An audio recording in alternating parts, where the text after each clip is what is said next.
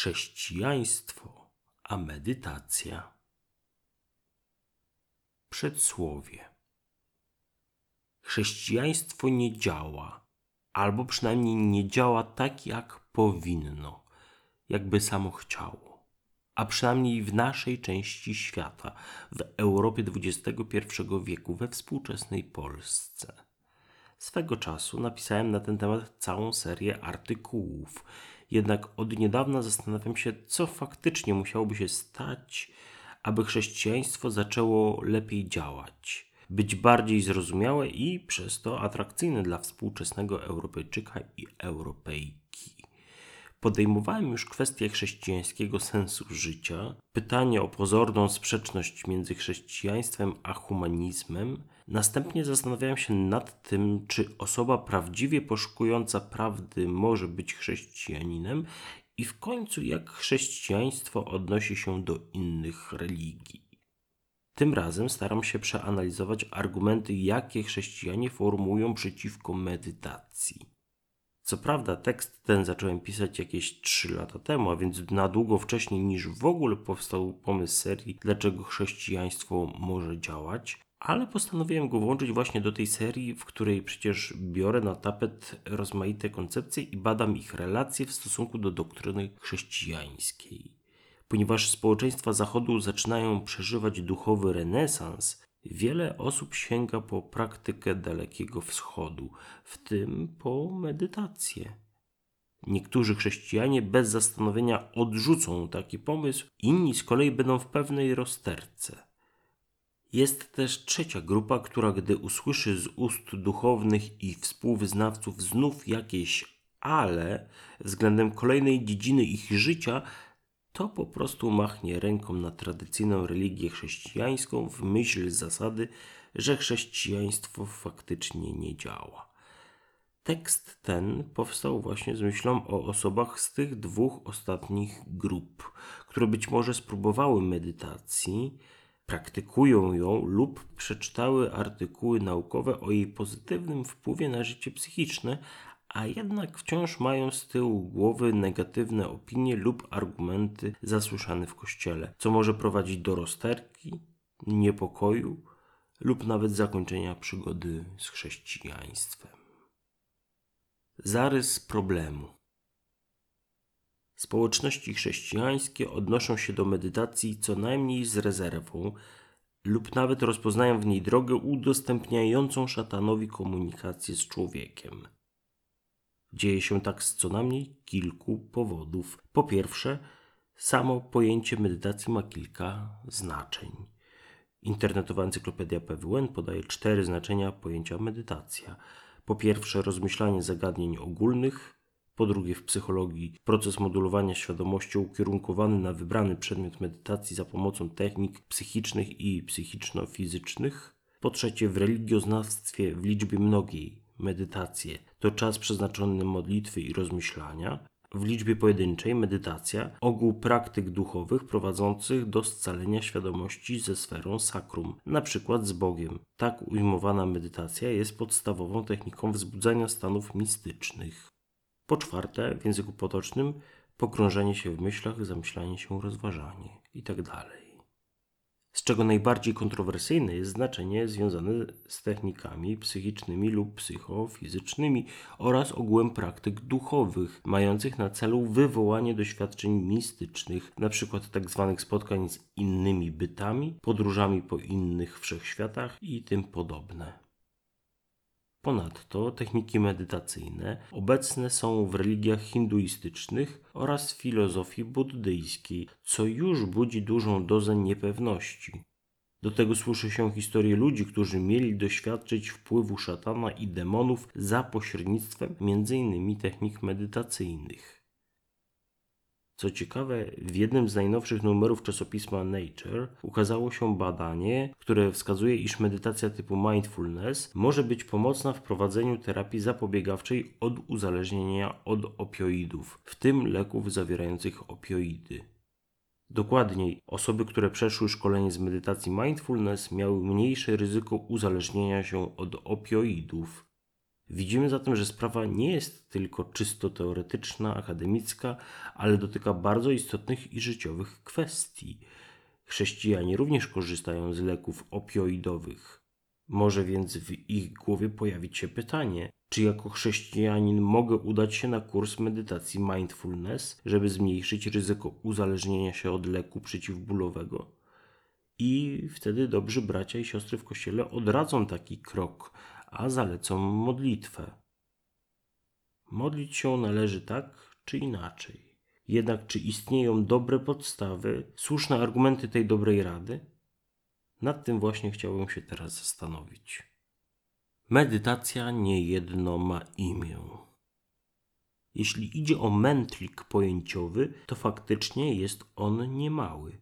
Nawet gdyby skupić się na rozumieniu medytacji jako metodzie zabiegów psychiczno-fizycznych, to otworzy się przed nami cały wachlarz różnych technik, począwszy od ćwiczeń oddechowych przez gimnastykę, aż do ćwiczeń na koncentrację. Trudno jednak wrzucić wszystkie te rodzaje do jednego worka, tylko dlatego, że mają jeden wspólny mianownik medytacja. Nie każdy argument logiczny jest poprawny. Wracając do religijnego argumentu przeciwko medytacji, to należy stwierdzić, że posiada on dwojaki defekt logiczny. Po pierwsze, fałszywa analogia. Błąd ten polega na nieuprawnionym tworzeniu analogii. Jeśli A jest podobne do B, B jest podobne do C, to A jest podobne do C. Nie jest to jednak wniosek logicznie poprawny. Dla przykładu, żarówka daje światło, Słońce daje światło, zatem żarówka jest jak słońce. W naszym przypadku argumentacja przebiegać będzie następująco. Hinduizmy w świetle doktryny chrześcijańskiej są fałszywymi religiami, medytacja występuje w hinduizmach, zatem medytacja w świetle doktryny chrześcijańskiej jest fałszywą, złą techniką. Drugi błąd logiczny to równia pochyła. Argumentacja ta opiera się na nieuprawnionym założeniu następowalności zdarzeń, które nie są logicznie konieczne, a zakładają dramatyczny rozwój wydarzeń, co ma pobudzić wyobraźnię i strach, względnie naturalny sprzeciw dyskutantów. Oto przykład. Dzisiaj dużo mówi się o tym, że nie można bić dzieci, a jutro nie będzie można przestępcy umieścić w więzieniu. Jeśli idzie o medytację i chrześcijaństwo, to argumentacja oparta będzie o zarzut przyjęcia elementów religii hinduistycznych lub filozofii buddyjskiej poprzez zastosowanie technik psychiczno-fizycznych. Inaczej mówiąc, jeśli uprawiasz medytację, to kultywujesz rytuał hinduistyczny lub wyznajesz filozofię buddyjską. Obydwa sposoby wnioskowania są błędne i nie dowodzą tego, czego chcieliby ich użytkownicy. E, tym samym sposobem protestanci mogliby zakwestionować doktrynę o Trójcy Świętej, bo jest katolicka, albo chrześcijanie mogliby zanegować monoteizm, wiarę w jednego Boga, ponieważ tak samo wierzą muzułmanie. Tym bardziej, że techniki psychiczno-fizyczne, takie jak ćwiczenia oddechowe, gimnastyczne czy na koncentrację, nie mogą z definicji być praktykami religijnymi, ponieważ miliony ludzi wykonują je niezależnie od przekonań religijnych i poglądów filozoficznych. Umysł, dusza i wbudowany telefon do diabła. Ponadto w większości wyznań chrześcijańskich pokutuje pewna specyficzna maniera myślenia antropologicznego, a więc myślenia o człowieku, prowadząca do doktryny dualizmu duszy i ciała. Taki sposób myślenia wynika z tzw. Tak religii pierwotnych, myślenia potocznego oraz poglądów filozoficznych. Fundamentalnym zrębem tej koncepcji jest to, że człowiek posiada duszę, ewentualnie, że człowiek jest duszą i posiada ciało, oraz że dusza żyje po śmierci ciała, albo idzie do nieba, piekła, albo wędruje do innego ciała, reinkarnacja itd. Tak Miażdżąca większość kościołów chrześcijańskich wskaże argumenty za takim sposobem ujmowania człowieka. Powiedzą na przykład, że fakt posiadania niematerialnej duszy jest po pierwsze oznaką podobieństwa do Boga, Po drugie, wyróżnikiem spośród świata zwierząt poprzez funkcje rozumne. Po trzecie, zalążkiem wieczności w człowieku i warunkiem otwartości na Boga, a jednocześnie po czwarte, ośrodkiem ja świadomości, która bez koncepcji duszy jest prowadzona do zintegrowanego zespołu funkcji neuronalnych, czyli postaci, w której zasadniczo ja jest jedynie iluzją, samouszukiwaniem się mózgu. Nie mogę pozwolić sobie teraz na dłuższą dygresję, ale mogę powiedzieć, iż są teksty w Biblii, które pozornie wspierają pogląd dualistyczny, jednak jest sporo tekstów, które opowiadają się za holistyczną, całościową naturą człowieka.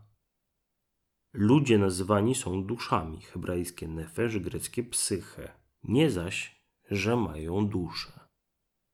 Teksty wskazujące na duszę człowieka wyrażają po prostu jego wnętrze, świat przeżyć i świadomości. Co więcej, człowiek po śmierci nie udaje się jako dusza od razu do nieba lub piekła. O czyśćcu Biblia nawet nie wspomina ani razu, ale czeka, w cudzysłowie, w prochu ziemi na zmartwychwstanie w dniu ostatecznym, a więc jego istnienie jest zawieszone. Rozróżnienie pojawiające się w pismach apostoła Pawła, duch, greckie pneuma, i ciało, greckie sarx, mięso, nie jest odpowiednikiem platońskiego dualizmu ontologicznego duszy, greckie psyche, i ciała, greckie soma. Apostoł wskazuje raczej na dwie zasady, które mogą rządzić człowiekiem: dobro lub zło. Taki dualizm możemy nazwać etycznym, odnoszącym się do moralności, ale nie ontologicznym, odnoszącym się do struktury bytu człowieka. Przy założeniu istnienia autonomicznej duszy, ducha, która jest jakby zupełnie inną sferą człowieka niż jego organizm, faktycznie należałoby się zastanowić, czy rozmaite akty psychiczne nie są czymś więcej niż tylko funkcjami neuronów, czy przypadkiem nie są otwarciem duszy na świat innych duchów, dobrych i złych. Jednak w poglądzie, który przedstawiłem i z którym się zgadzam, pojęcie duszy pełni rolę funkcjonalną, to znaczy dusza nie istnieje jako kolejna rzecz w świecie, konkretnie w człowieku, ale jest raczej pojęciem pewnego zestawu realnie istniejących rzeczy konglomeratu funkcji umysłu. Dla przykładu weźmy pojęcie image, wizerunek człowieka. Nie jest on jakąś rzeczą, a raczej zespołem różnych rzeczy: ubioru, fryzury, makijażu, dodatków i akcesoriów itd. Tak to samo miałem na myśli, mówiąc, że w koncepcji, którą wyznaję, dusza nie jest autonomicznym bytem, rzeczą, ale zespołem czynności, funkcji umysłu. Wracając do tematu, chrześcijańscy przeciwnicy medytacji najbardziej obawiają się, iż stosując techniki psychiczno-fizyczne, człowiek nawiąże kontakt ze złymi duchami. Jak już wspomniałem, opinia ta oparta jest na ludzkich opowiadaniach, którzy dzielą się swoimi przemyśleniami na temat tego, co doświadczyli. Osobiście jestem ostrożny w tym, aby swój pogląd budować na prywatnej opinii innych ludzi. Na pewno jest to godne rozważenia, bo też nie zakładam, że każda taka historia jest zmyślona czy opowiadana w nieszczerym nastawieniu etycznym. Nie do końca jednak mam podstawy, aby wierzyć, iż ludzie doświadczający różnych dziwnych zjawisk posiadali jednoznacznie niezawodną zdolność do obiektywnego ocenienia tego subiektywnego doświadczenia. Tak właśnie ludzie w religiach ludów niepiśmiennych, tzw. Tak pierwotnych, zaczęli wierzyć w istnienie niezależnej, wędrującej po świecie duszy, ponieważ doświadczali snów. Dzisiaj wiemy, że sny są naturalną funkcją mózgu, a ludzie, których tam spotykamy, są jedynie projekcjami bazującymi na wyładowaniach elektrycznych występującymi pod powierzchnią naszej czaszki. A przynajmniej jest to pogląd większościowy, tak w myśleniu potocznym, jak i naukowym.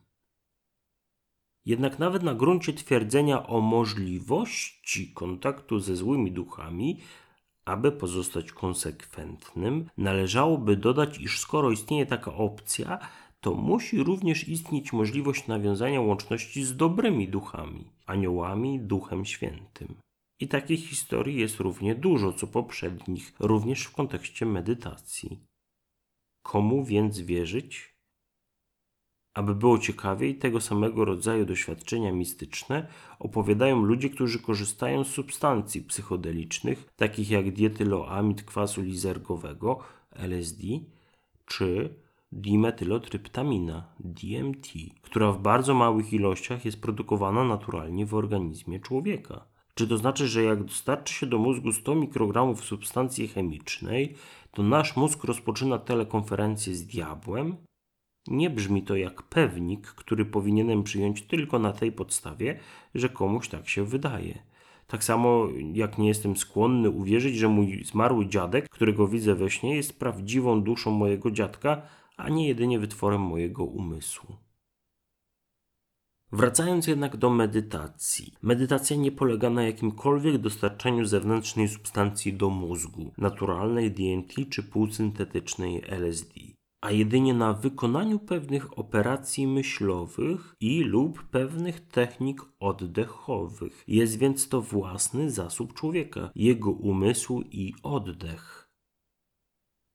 Jeśli mamy w pamięci, iż w poglądzie chrześcijańskim człowiek jest inteligentnie zaprojektowaną istotą, a nie ubocznym wynikiem ślepo oddziałujących praw naturalnych, to pytanie, po co Bóg miałby stworzyć w naszym mózgu takie możliwości, jakie aktywują się w trakcie medytacji, jeśli byłyby one niczym innym jak wbudowanym telefonem do diabła? Pytanie oczywiście retoryczne zanim trafię na stos. Nie twierdzę, że medytacja nie kryje w sobie żadnych tajemnic albo że wszystko wiemy na jej temat. Nie zachęcam tym artykułem do stosowania medytacji kogokolwiek, kto ma uzasadnione obawy lub widzi wyraźne przeciwwskazania. Nie chcę też powiedzieć, że medytacja jest dla wszystkich, bo domyślam się, że jak wiele rzeczy na tym świecie i ta może w pewnych warunkach okazać się dla niektórych jednostek niekorzystna. To samo mogę powiedzieć o muzyce, religii, sporcie czy witaminie C. Jednak nie mogę powiedzieć, iż argumenty formułowane przez sporą grupę chrześcijan mnie przekonują, albo że ich moc logiczna jest choćby dostateczna. Pamiętajmy, że nie wszystko, co chrześcijanie mówią, przynależy do doktryny chrześcijańskiej albo znajduje się bezpośrednio w tekście Biblii.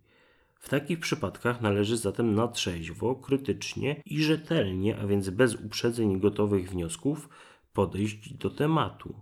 Inaczej nasze życie oparte będzie na stereotypie lub nawet zapobonie. A zabobon nie powinien być podstawą do stosowania kategorialnych ocen czy nawet wyroków wobec innych ludzi. Chrześcijanie powinni pamiętać, że nawet modlitwa jest formą medytacji religijnej. A więc Jezusowe, jakim sądem sądzicie, takim was osądzą, ma tu bardzo trafne zastosowanie. Dziękuję za uwagę i do usłyszenia. Sensoholik, czyli Konrad Pasikowski.